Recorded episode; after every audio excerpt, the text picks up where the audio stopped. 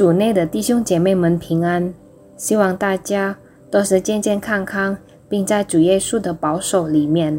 我们今天的门徒灵修的主题是酸的葡萄，取自于以赛亚书第五章。思想主的话语之前，我们先安静在神的面前祷告。主耶稣，我们感谢你，今天早上你再次赐给我们新的一天来领受你为我们预备的恩典。现在我们将要思想你的话语，求主帮助我们，好让我们可以明白，并在我们生活当中执行。我们祷告，奉靠耶稣基督的名求，阿门。今天的经文以叙述肥美山冈上葡萄园的歌作为开始。这葡萄园被照料看守得很好，使它能长得好，结出好的果实。然而，所产出来的葡萄却是酸的，因此极为令人失望。关于葡萄的这个，不能以字面来了解。而必须以比喻来了解。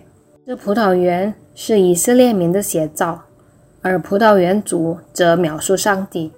上帝已将一切最好的给予以色列民，希望以色列民成为过着遵行上帝旨意的生活的一个民族。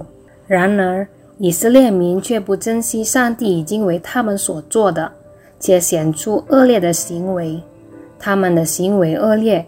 他们的态度骄傲，他们颠倒真理，他们的生活使上帝非常失望。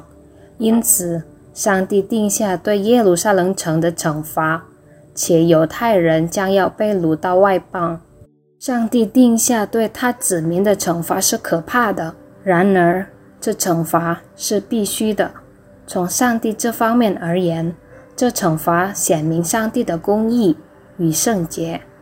他必须惩罚活在最终不按上帝的心意而行的子民。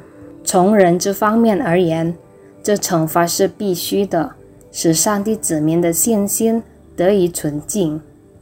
上帝对犹太人的态度，反映上帝对现今的我们的态度。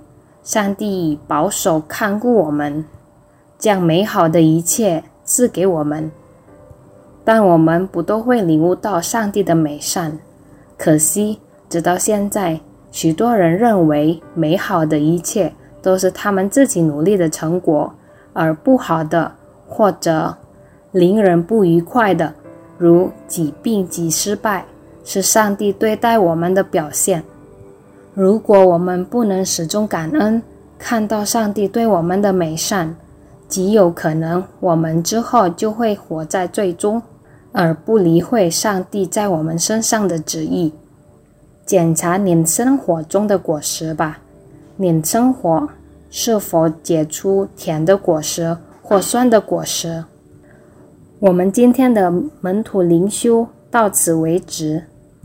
我们来祷告，天父上帝，我们感谢你，你再次通过今天的话语提醒我们。让我们可以检查自己的生活，成为你的儿女们是否已经结出甜的果实。求主帮助我们，让我们不只是成为听道者，而是成为行道者，让世界可以看出我们的亮光。我们祷告，奉靠耶稣基督的名所求，阿门。姐妹再见，愿从上帝而来的喜乐。常与我们同在。